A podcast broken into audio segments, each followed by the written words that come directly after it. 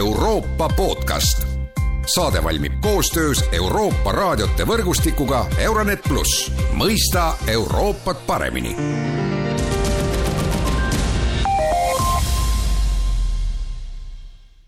tere jälle kuulama Euroopa podcasti.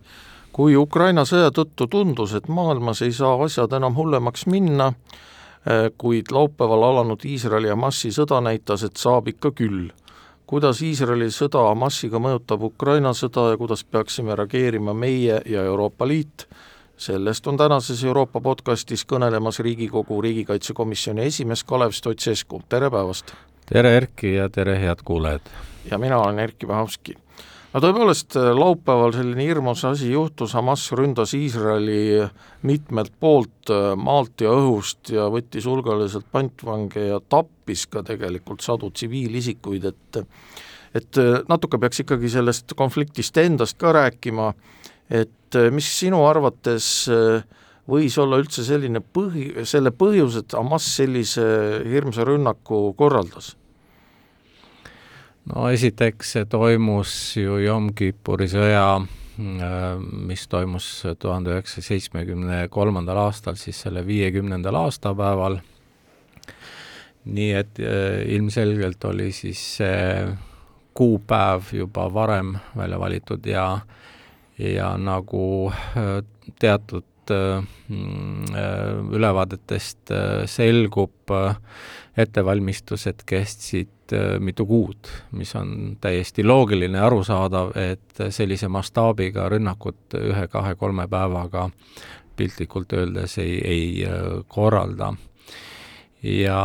ja siis on küsimus, et äh, kas seda Hamas tegi mm, omaenda initsiatiivil ja omaenda vahendite kõigega, loomulikult mitte, sest selle taga on ka mõned riigid, kes on traditsiooniliselt teada-tuntud Hamasi, kuid ka Hezbollah toetajad, sealhulgas Iraan, Süüria, mis on Venemaa roll selles, noh, seda mõeldes, sest Venemaa on ju nii Iraani kui Süüria suur sõber ja, ja Iraanilt saanud ka sõjalist tuge see Ukraina vastu võitlemiseks, droonide ja muu näol, nii et äh, see pilt on kompleksne ja, ja ilmselt on ühelt poolt pakuti võimalus äh, Hamasile äh, korraldada selline verine kättemaksu aktsioon Iisraeli vastu, me ju teame, mis on Hamasi tegelik poliitiline eesmärk, see on Iisraeli hävitamine. täpselt ja, ja mitte ainult Iisraeli riigi hävitamine, vaid kogu Iisraeli ja Palestiina aladele siis islamiriigi mingi ISISe taolise moodustise äh, siis äh, noh, korraldamine või sünnitamine, nii et et ähm, see on selge, et see oli hullumeelsus äh, Hamasi poolt, sest äh, esimesel päeval, äh, kui rünnakud algasid ja, ja, ja Iisrael oli pisut peata nii-öelda ja kandis väga suuri kaotusi, võib-olla ohvrite arv tõuseb tuhandele varsti, ei tea, sinnakanti ta juba on, et äh, siis nüüd on nad lausa paanikas, aga ma ei tea, kas tõesti äh, Hamas ja palestiinlased mõtlesid, et nad saadavad teele viis tuhat raketti kahekümne minutiga Iisraeli pihta, tapavad seal mitusada iisraellast ja võtavad pantvange ja kõike, ja siis, kui Iisrael ründab vastu, äh, Gaza sektorid, et siis nad ruttu hakkavad lehvitama valge lipuga, et no, no nüüd teeme rahu või et ma arvan, et äh, see on natuke liiga naiivne, see, mida me praegu näeme, on, on see, et äh, et ühest küljest Iisrael muidugi maksab kätte nende tohutute ohvrite eest ja selliselt, et, ähm, et palestiinlased ja, ja kannaksid tohutult palju rohkem ohvreid omalt poolt, et see oleks neile väga ränk õppetund tulevikus, kui palju ohvreid nad lõpuks kannavad, seda on väga raske öelda, kuid see ei ole ainus eesmärk, ma arvan, et Iisraeli eesmärk on, on Hamasi sisuliselt noh, neutraliseerimine, seda saab teha ainult maavägedega ja politseioperatsioonidega koha peal. Neid nähtavasti viiakse ka sisse, praegu seda Gaza sektorit nii-öelda töödeldakse õhust ja raketirünnakutega ja, ja ka läbi selle totaalse blokaadi, kus neil pole võimalust, noh, neil pole isegi elektrit, pole toitu enam sisse tuua, kütust ja kõike muud vajalikku see on muidugi tohutu humanitaarkatastroof ja, ja kindlasti hakkavad kõlama hääled, et, et Iisrael vastab ebaproportsionaalselt, aga, aga olgem ausad, see Hamasi rünnak oli ka noh, enneolematult räige. see ei olnud lihtsalt terrorirünnak vaid see oli totaalne sõda ja kui nad tahtsid sõda, siis nüüd ongi sõda, et äh, Nad läksid ju tegelikult teadlikult selle peale välja, nad ju ise levitasid neid võikaid pilte sotsiaal- ja muu, mujal meedias nendest tapetutest no, tsiviilohvritest. just, et noh, et kui sa midagi säärast ette võtad, kas siis nagu ei mõtle tagajärgedele, et pärast noh, nagu ma ütlesin, et siis äh,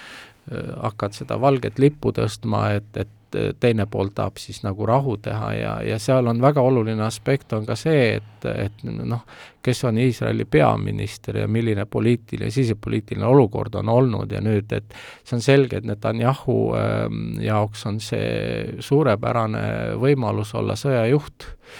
ja, ja seda sõda edasi viia seal äh, noh, Gaza sektoris nii kaua, kuni äh, kuni ütleme, sisepoliitiline olukord ja ühiskond on, on nagu rohkem tema poolel, tema kui sõjajuhi poolel, kes peab öö, nende suurte kaotuste eest, mida nad on kandnud öö, nii tapetute kui pantvangide näol ja nii öö, Hamasile ja palestiinlastele kätte maksma. No Eesti, aga ka mujal avalikkuses on ju kõlanud selliseid murettekitavaid avaldusi, et Iisraeli sõda Hamasiga tõmbab tähelepanu ära Ukraina sõjalt, noh ja ma ise ka meediainimesena vaatan seda, et et äh, maailma meedia pöörab tähelepanu nüüd väga palju Hamasile, noh muidugi see on ka mõnes mõttes mõistetav, aga noh, ma näen ka seda, kuidas ikkagi äh, meedia on harjunud Lähis-Ida katma, et seal on nagu kindlalt sisse töötatud liinid, kommentaatorid ja nii edasi, otselülitused, et äh, võrreldes Ukraina sõjaga need asjad äh, noh, toimuvad märksa paremini ja, ja kiiremini, sellepärast et Lähis-Ida on midagi, mis on maailma meediale tuttav, aga, aga noh, Ukrainat ja Venemaad üldse, eks ole, see ei ole kõigile nii tuttav ja seal tuleb ka see keeleprobleem ikkagi, aga mis sina ütled, et äh, kuidas nüüd see Lähis-Ida konflikt mõjutab Ukraina sõda? Ei no äh, ütleme noh, laupäevast saadik loomulikult äh, äh, see on uudis number üks olnud kõikides maailma noh, info- ja, ja meediakanalites, et sest kõik olid šokeeritud sellest Hamasi rünnakust ja et ja, ja noh, see on kohutav uudis, et veel üks sõda, jälle sõda, noh, ja, ja, ja siis ka see küsimus, et kas see sõda võib laieneda mis noh, nii pikendaks selle kestvuse kui, kui ka selle ulatuse, noh, see, see oleks võib-olla selline stsenaarium, mis võib-olla Venemaale ja Iraanile meeldiks. esialgu ma ei näe seda võimalust, et, et see sõda laieneks ähm,, sest äh, isegi kui Iraan peaks julgema Iisraeli testima, et, et peale seda, kui Iisraeli noh, see Taavedi ling ja, ja, ja või see noh, raudkuppel, nagu nad seda nimetavad, see on kolmekihiline selline õhu- ja raketikaitse, sealhulgas ballistiliste rakettide vastu, äh, mida siis Iraan on võimeline tulistama noh, tuhande kilomeetri pealt umbes, ütleme, sinna Iisraeli pihta, et et kas see õhukaitse töötab nüüd kui, kui ta on pidanud vastu, noh, sellele või ei pidanud õigemini vastu sellele Hamasi küllastusrünnakule, eks ole, sest see oli väga räige rünnak, kahekümne minutiga viis tuhat raketti, on selge, et ükski õhutõrjesüsteem ei pea sellisele koormusele äh, vastu võtmeriik on minu jaoks ikkagi Egiptus seal äh, ja Egiptus äh, ilmselt ei ole nõus osalema mingis agressioonis äh, Iisraeli vastu. nii et noh, ütleme, et kui Mägi-Karabahhis see oli selline sutsakas, et ühe päevaga lahe, asi nii-öelda lahenes ära, et, et Karabahhi arma-, armeenlased olid sunnitud alla andma ja, ja, ja lausa noh, kodudest põgenema ja nii, et siis niisugust päris konflikti nagu enam või, või noh, sõjalist tegevust ei puhkenudki.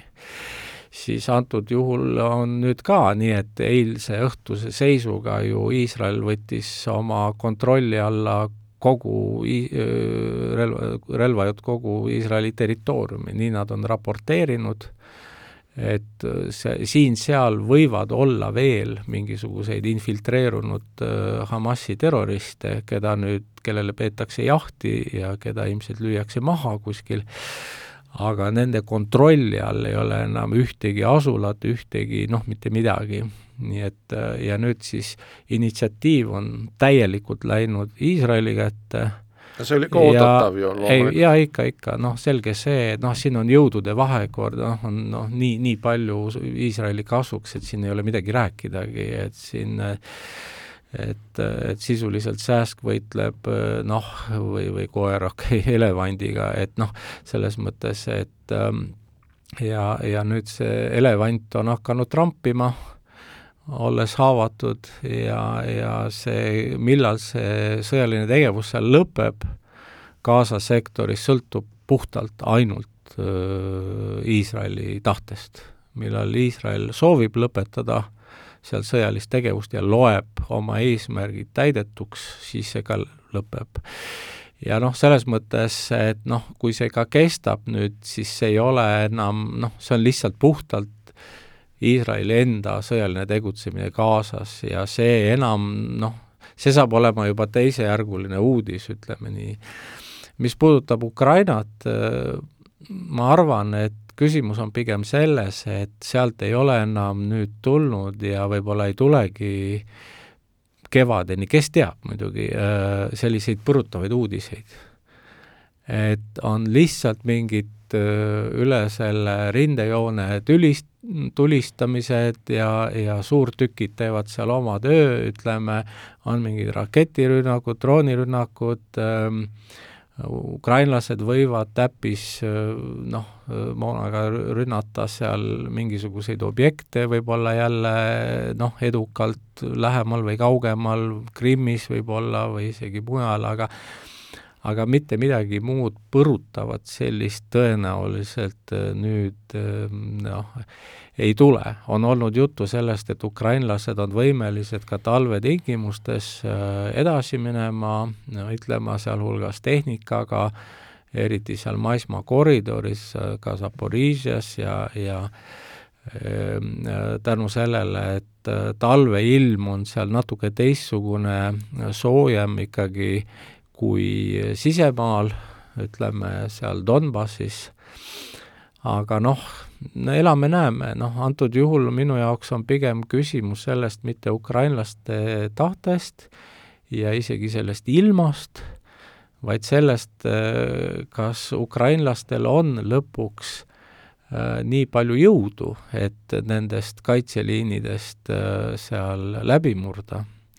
Alguses räägiti kolmest kaitseliinist venelastele, et nad läbisid siin-seal, seal selle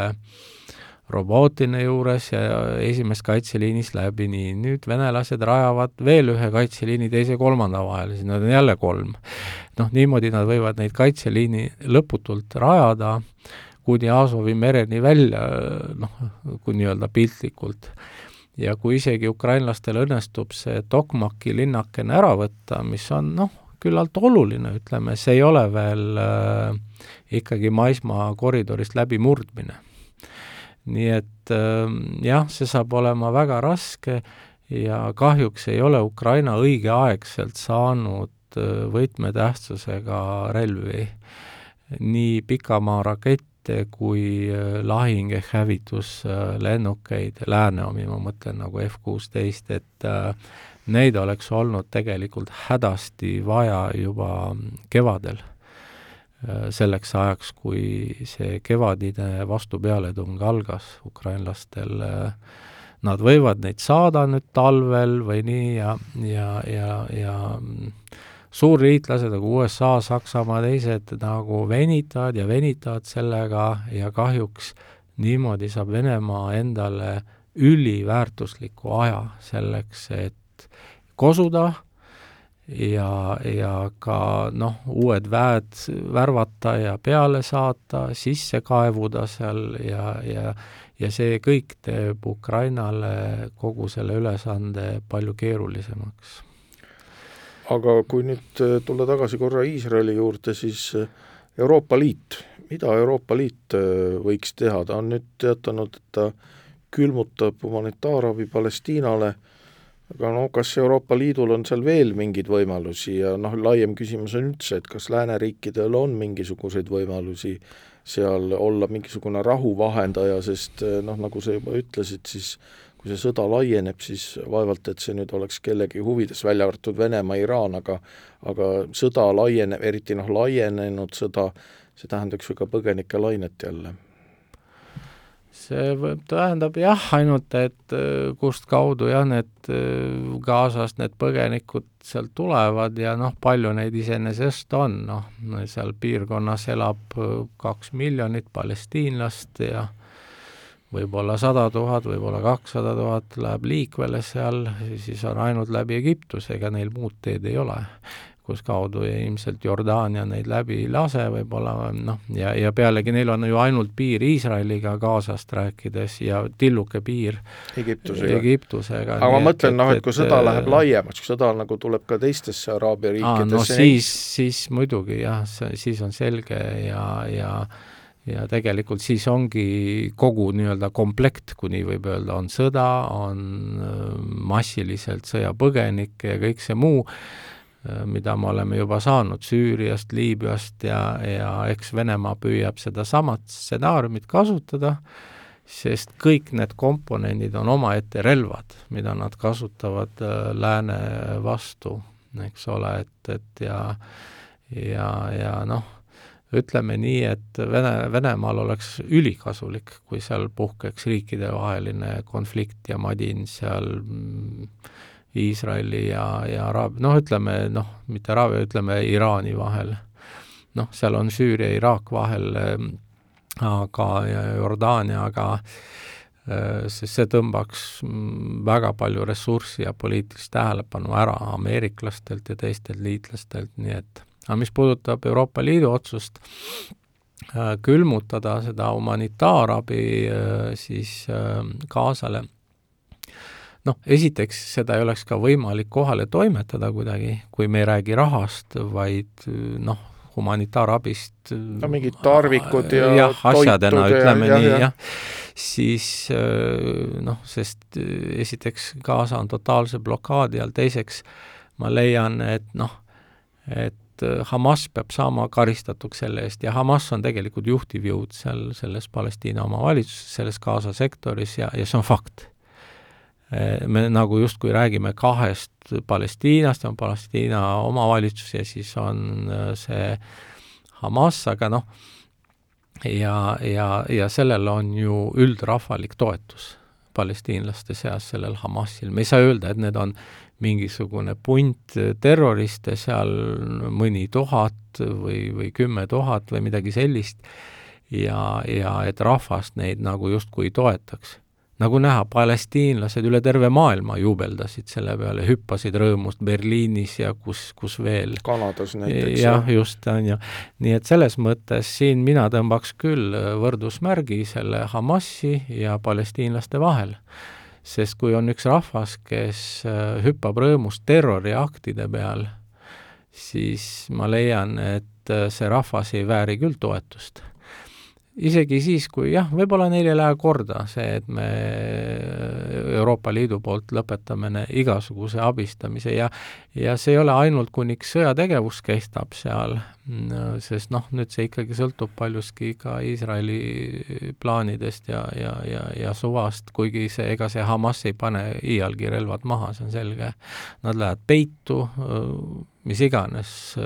nad on kas või seal oma nendes tunnelites või kus iganes, aga nad relvad ära ei anna ja, ja alla ei anna, nii et No, nii et selles mõttes me, me neid selliste instrumentidega nagu sanktsioonid või, või, või abi andmise lõpetamine, me, me nende suhtumist mitte kuidagi ei paranda, ma kahjuks nii nagu Armeenia-Aserbaidžaani konflikti puhul ma ei näe siin, eriti siin Iisraeli-Palestiina konfliktil mitte mingisugust poliitilist lahendust. kui see oligi veel enne seda laupäevast päeva mõeldav, et püüda veel edasi rääkida sellest, et on kaks riiki ja kuidas nad koos eksisteerivad seal Iisrael ja Palestiina, siis ähm,